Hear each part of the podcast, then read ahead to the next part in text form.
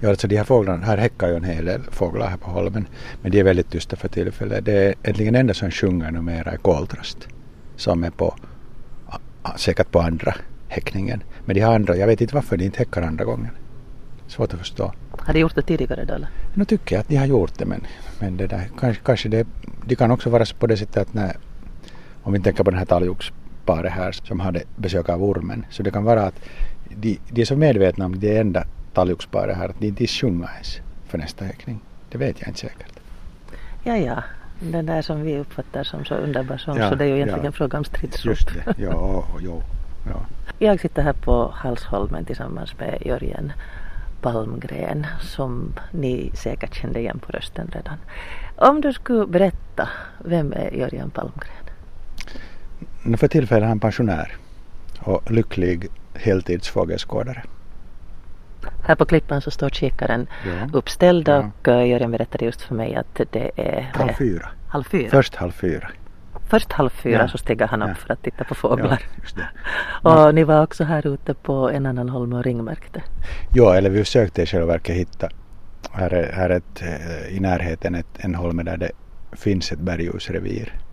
Men jag har redan misstänkt tidigare i år att det inte är någonting nu men vi var igår och kollade reviret och, och de här boskålarna var helt orörda så att där är ingen berguv i år.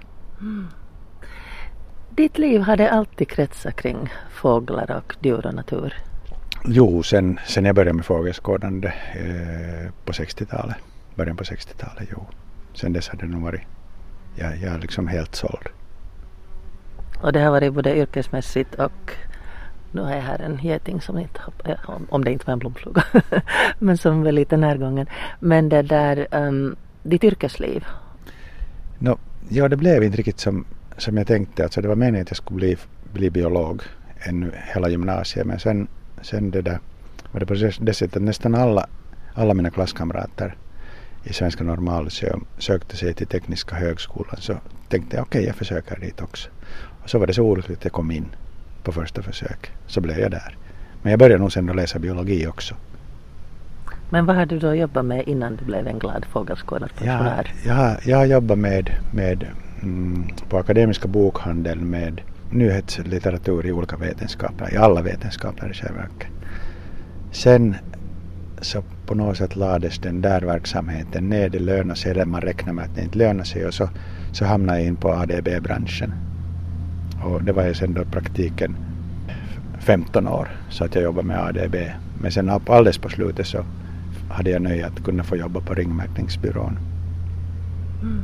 Men hur kom det här fågelskådare in i ditt liv? Alltså är det, nu det, det, det är alltså explicit fåglar, det är inte djur överlag utan fåglar? Nu är det, nu är det liksom få, fåglar det gäller men jag är nog intresserad av, av hela helheten också. Mm. Men hur kom de här, du sa det att på 60-talet så började du, ja, det blev, då, då bångade man inte ännu fåglar utan man var no, fågelskådare? Man visste inte att det hette bånga. Nej, det, det började liksom, jag tror att det började på samma sätt som väldigt många andra att, att på 60-talet så var skolornas naturklubbar var väldigt aktiva, särskilt på den finskspråkiga sidan men också i svenskspråkiga skolor. Och, och det där, vi, vi hade i Svenska Normalmuseum en, en sån här naturklubb som hette Orbis Nature och den här övervakande läraren, eller på sätt och vis dragaren, var Harry Krogerus. Och han hade en alldeles otrolig dragningskraft, eller lyckades göra det här fåglar och naturen liksom lockande och vi var väldigt många som blev intresserade. Och det är på den vägen är jag. Alltså många av mina kompisar så, så lade av med det där men de har nog okej okay, tagit upp det lite senare men jag, jag blev liksom alldeles fastna helt på en gång. No, vad är det för en som inte är det? Jag menar visst tittar vi ut också och tar till och med kikaren ibland men, men det tycks finnas en sån här nästan religiös tjusning för, för många av de mest inbitna fågelskådarna. Vad är den här upplevelsen? Är det det där att se först någonting? Det är, det är, liksom, det är säkert väldigt många saker som är med, med där och, och, och för olika, olika fågelskådare, olika ornitologer så är det naturligtvis olika. Jag har nog funderat, naturligtvis varit tvungen att fundera på det här. Jag tror att, att, att, liksom, att leva med fåglarna hela året är en, en, en sak. Och det, det är ju liksom, det är ju från år till år Så det är i princip samma men varje år ändå olika. Där är en fascination. Men sen också det här att se, se, se nya saker och ha nya upplevelser och, och jobba systematiskt. Och det liksom, finns alla möjliga argument som talar för att det är bra, det är trevligt och det är givande. Eh, många jägare talar ju om till exempel att det är sist och slutligen visst det där jaktens tjusning. Mm. Men att en väldigt stor upplevelse, eller en stor del av upplevelsen är också det här att vistas i naturen. Mm. Mm. Ja, stämmer säkert. Eh, du nämnde det finlandssvenska ordet bonga. Det är ju egentligen kryssa, mm. om vi talar rikssvenska. Att kryssa fåglar, alltså att gå och titta på fåglar som någon annan har hittat så det är ju ganska mycket det här samma, samma som jakt i själva verket. Att, att du, du drar ut för att, för att försöka hitta no, någonting som någon redan har upptäckt. Och det är ju spänning i och för sig det också. Den. Finns den kvar? Hinner jag fram i tid? Eh, är det den som, som den är utannonserad? Och vilka alla andra fågelskådare är där. Det är alltså både, både socialt och det är alla möjliga aspekter. Jag hörde om folk som hade hyrt en helikopter för att komma ut på ute när det var någon uh, spännande. Ja, ja sånt, sånt har varit nog på gång men det har varit ganska liksom ganska få som har gjort det. Sen en, an, en annat system billigare har varit att hyra ett privat plan och flyga ut. Jag har nog varit med om att hyra taxibåtar. Det är alldeles liksom det är alldeles kutym nu för tiden. Att om det är någonting ute så funderar vi, vi som, vad ska vi kalla, vi är nog hårdskådare, hårdkryssare. Och att ska vi nu fara eller inte? Att finns den kvar när vi kommer dit eller finns den möjligen nästa dag? Ska vi vänta på nästa dags besked? Att om den finns på morgonen så finns den säkert hela dagen och så vidare. Men då är det taxibåt som gäller. Det är, det är enkelt nu för tiden. Det finns så många företagare som har, som har sådana här tjänster och det är enkelt att hyra från Nagu eller Korpo och åka ut.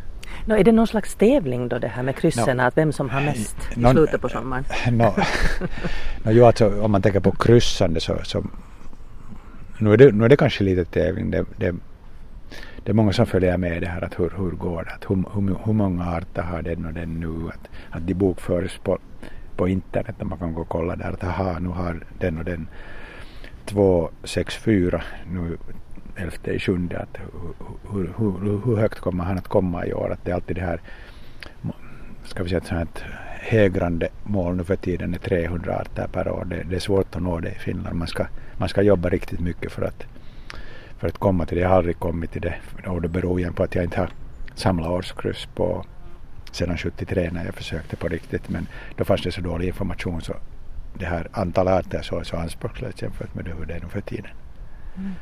Men, men alltså sen, sen kan man ju liksom det här livskryssen, alltså hur många fågelarter man har sett i sitt liv så nu är det liksom nu, är det väl, nu skulle det vara lite kanske skenheligt att medge att det inte är någon konkurrens i det eller tävlan i det för att nu är det, nu är det på sätt och vis tävlan i det men inte, inte det inte liksom tävlan illvillig tävlan utan det är nog en gentlemannatävlan. Mm. Att nu, nu, nu tycker jag vi jag finns ungefär på plats 12 för tillfället, eller var det 10. Så att nu, nu, nu, nu är vi liksom måna om att, att, att alla, alla har samma chanser att komma med om det bara passar. Att inte, inte, inte fryser vi ut någon inte. Smyger iväg tidigt på morgonen. ja, fast, fast en kan nog göra det att de är måna om att komma iväg så fort att ingen annan hinner med. det där då vi talar om, om det här fågelskådande ja. och det här att vara i naturen. Så hur mycket är det sen också fråga om att skaffa kunskap på andra sätt? Jag menar idag är internet stort. Det har funnits fågelböcker i herrans många år. Ja. Hur, hur, stort intresse är det här att, att liksom öka sin kunskapsmängd? No, nu upplever jag att det har betydelse fast jag, jag för min del så kanske Okej, okay, visst lär jag mig nya saker hela tiden. Varje dag lär jag mig någonting, det är alldeles klart. Men jag har inte kanske samma, jag misstänker att jag inte har samma brinnande intresse efter den nya kunskapen som, som de här unga människor som, som börjar med fågelskådande. De har en mycket, mycket bättre möjlighet än jag hade på 60-talet. Litteraturen är nu för tiden strålande. Det finns fågelböcker där fåglarna är avporträtterade så exakt som det överhuvudtaget är möjligt. Det var bara på den tiden bara ditåt. Och sen finns då det här just internet med massor av fotografier med ljudinspelningar och allt möjligt. Så de har det lättare nu för tiden. Och, och svårare på sätt och vis för att det är mer komplext att behärska hela informationsflödet. Mm. Vilken är din sån här största upplevelse? Fågelupplevelse, naturupplevelse? Tja, det där är en svår fråga. Det, det, hur man ställer sig till det här så beror kanske mycket på, på det där, den egna känslan för tillfället. Det finns väldigt många saker som, som har varit väldigt intressanta. Olika expeditioner har varit intressanta. Olika, olika sådana sällsynta fåglar har varit väldigt intressanta. Det, det, är väldigt mycket som man kan lyfta fram. Kommer du ihåg något, något exempel? Nej, nu kommer jag ihåg det här att, att kryssa till exempel skärsnäppa i Lappland under häckningstiden. Jag satsade sex exkursioner förrän jag lyckades. Det var, det var, en, det var en, ett stort, en stor satsning men det var naturligtvis väldigt trevligt sen att se det. Att se fåglarna i sin egen miljö. Mm. Häckningsmiljö alltså. No, du var också inne på det här att, att på ett sätt så speciellt med flyttfåglarna mm. så blir det ju en slags sån här uh, året runt ja. resa. Hur ja. viktigt är det här återkommande inslaget att man vet, känner på sig att nu börjar det bli dags? det inverkar på hemskt många fågelskådare och nu, nu, nu är det liksom, måste jag medge att också, också för mig så är det, är det, det här när våren, våren liksom startar så på allvar. Det, kommer, det blir ju ofta så att det liksom först, först om man tänker på våren, den kan starta den i, i februari med att det kommer enstaka flyttfåglar och så kommer det några till och så kanske några till. Men sen plötsligt i mars eller april så brakar det loss riktigt ordentligt och det är nog en det är en stor upplevelse. Det känns väldigt, väldigt roligt att vi är här igen. Ja, det, jag funderar på, vi har ju ett behov av jag menar, högtiderna som ja, rutar in ja, året, ja, en behov av en sån här kontinuitet. Mm, nu, kan det, nu kan det hända. Men där är ju sen också om man tänker på sådär från sen mellan åren så den där kontinuiteten så ger det också en möjlighet sen till att följa med att, att är, det, är det riktigt lika? Eller vad är det som, vad är det som nu fattas i år? Varför finns det så lite av någonting i år? Varför finns det så mycket av det här i år? Och hur går sträcket i år? Mm. Vi sitter här som sagt på Halsholmen och, och, kan se här ut över viken då där det tyvärr finns igen det här årligen återkommande fenomenet med blågröna alger. Du som då vistas så pass mycket i naturen så hur känns det för dig? Vi hörde också den här nyheten om att ejdrarna minskar katastrofalt, mm, att det mm, finns någon mm, virussjukdom. Mm, um, hur ser du när du ser omkring dig efter de här årtiondena som du har följt med? No, det är bara att inse att in, ingenting är hela tiden lika. Att det sker förändringar hela tiden. Det finns en sån gammalmodig inställning om att, att det råder någon slags jämvikt. Men det är ju bara någonting som människan skapar en sån där behov att or organisera och ordna sakerna. Men nu inser man ju att, att det, det är förändringar hela tiden. Fågellivet förändras. Hela omgivningen förändras. Du pratar just om de blågröna algerna. De kom på, tycker jag, på allvar på 90-talet. Och har efter det varit årligen återkommande. Intensiteten har varierat. Men de är nog bara här för att stanna. Men du ser inte ut sådär att vilja eh, ställa till med någon domedagsprofetia? Nej, nej det gör jag inte. Att, äh, jag är ändå kanske säga, ska vi säga lite liksom optimist att jag, jag tycker att forskarna och vetenskapsmännen vet vad man borde göra. Och det är kanske svårast att övertyga politikerna både nationellt och internationellt att det är de här åtgärderna som krävs för att för att vi ska kunna rena till exempel Östersjön eller få den att må bättre i varje fall. Vi kan ju inte rena det helt men att det ska må bättre. Och det, det går trögt. Mm. Men du tror att det går? Jag tror att det går, ja. Jag mm. hoppas det. För att jag tyckte då när, när blågröna algerna kom liksom första gången här så tänkte jag att va?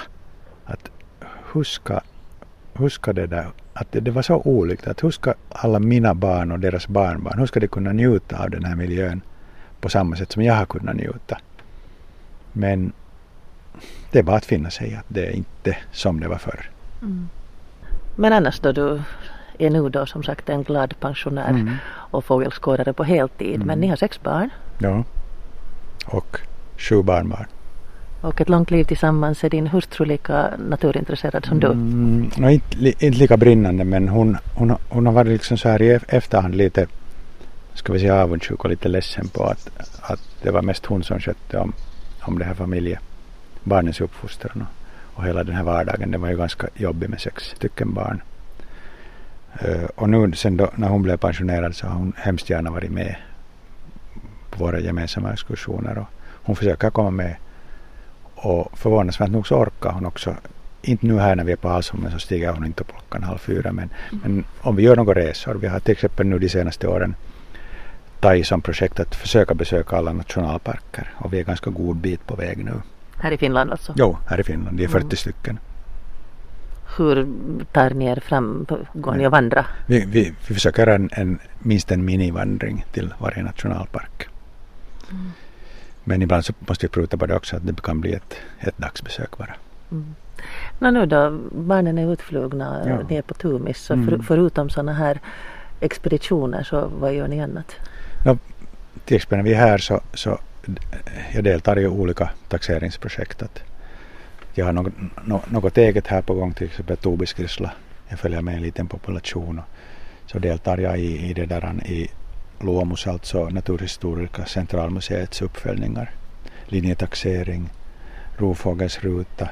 Jag har ansvar för, för ringmärkningen av fiskljusen fast jag nu tänker nog hoppa av där för att det där jag har märkt att min fysiska kapacitet inte är den perfekta mer för att klättra upp till 10-15 fiskljusbon per sommar. Vi har ju glömt att fråga hur gammal du är. Jag är 67. Det är ingen ålder. Nå, styvare har jag blivit. Nå, hur är det sen? Eh, jag antar att du eftersom du har en, en vilja att dela med dig av din kunskap så har säkert din barn, dina barn fått sin beskärda del. Är de helt trötta på fåglar vid det här laget? Nej, inte trötta. Alltså, de har nog, de har ju varit, i och med att vi har, vi har varit till exempel, vi, vi strävade till då när de var små att vara två veckor på fågelstation varje höst. Och där då delta i ringmärkningsarbete. Och många av de här barnen så fick ju sen då också, när de var borta från skolan så fick de någon uppgift. Och vanligaste uppgiften var att, att föra dagbok över vad som händer där på Holmen. Men vi har haft som princip, alltså vi har inte liksom velat tvinga någon till någonting, men vi har haft som princip att barnen är med. Och nappar de på någonting sånt här så det är OK. Att vi, de har inte blivit tvingade till någonting, okej. Min nästa son är fågelskådare. Och min nästa dotter är biologilärare. Och de andra så, okej, min ena dotter ska bli landskapsarkitekt. Så att det, det liksom tangerar nog Mm. lite. Så diskussionerna som förs vid middagsbordet har en tendens att färga också barnen? Nå, kanske lite. Eller, eller kanske, ja, eller, eller det, kanske det att de, det, var det första, det, var just här var en guldbagge annars. Mhm. Det här var kanske en- ganska Ja, det här var en geting. Jo, alltså det där, de minns nog, de har goda minnen av alla de här gemensamma exkursioner och expeditioner. Till exempel vi har någonting som vi kallar Stora fiskljusrundan som vi gör just så här i första veckan i juli. Där vi då kör med båt runt fiskljusborna här i, i, i skärgården. Nu är det så att i Hangö finns det just inga fiskljusar mera men, men i Ekenäs finns det. Ekenäs skärgård finns det ännu. Och den här rundan är då sån att vi startar nio på morgonen och kommer hem sen när vi är färdiga. Och i värsta fall så var det klockan elva på kvällen. Alltså det, det var heldagsjobb då. Och de minns alla den, den, här, den här expeditionen väldigt varmt och är väldigt gärna med. Och vi har många roliga minnen om hur vi, en av de sista fiskljusboen vi besökte fanns på Älgö.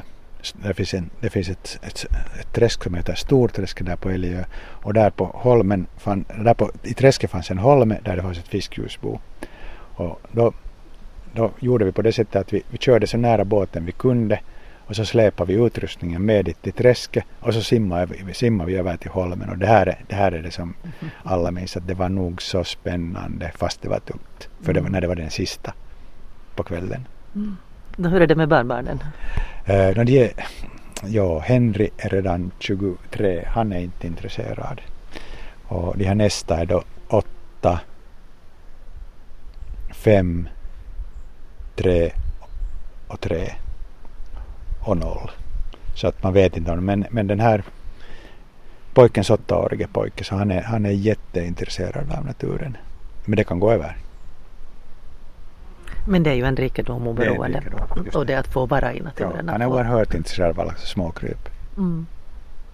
Han har en fråga att när får han komma hit igen? Att han får dyka här i strandvattnet och titta på alla småkryp som finns där. Han bryr sig inte om de här blågröna algerna men vi måste naturligtvis värna om att han inte får gå i vattnet då när det finns sådana. Mm. Men annars så bryr han sig inte om den här växtligheten alls. Han är alldeles gladare bara att det är mycket alger och växtlighet att det finns de här gömställen, de här djuren som finns där i strandvattnet. Nå, ännu eftersom vi då känner dig som en av de här könsbaka rösterna i Naturväktarna. Hur kom det sig? Hur gick det till att du blev en radioröst? Nej, det, kom, det var så att det där, min biologilärare Harry Krokerus, var ju naturväktarna från början ungefär till sin död. Och han var den stora insektexperten. Och, och Björn Federle var ju med, med där väldigt tidigt och Göran Bergman var den första fågelexperten där. Men sen har det varit olika personer och i det skedet när Anders kom med så önskade han att jag skulle kunna ställa upp som fågelexpert och efter några år så blev det på det viset. Jag är väldigt tacksam över att kunna vara med. Ja, vad betyder det så där? Man brukar fråga vad betyder det för dig? Mm, på sätt och vis så, så betyder det ju att, att, att, liksom att min, min eh, färdighet uppskattas. Och jag tycker om att, ha, att göra med människor. Jag tycker om att delge de kunskaper jag har. Och också försöka lära mina medmänniskor att, att uppleva det, som jag upplever. Glädjes åt naturen. Just det.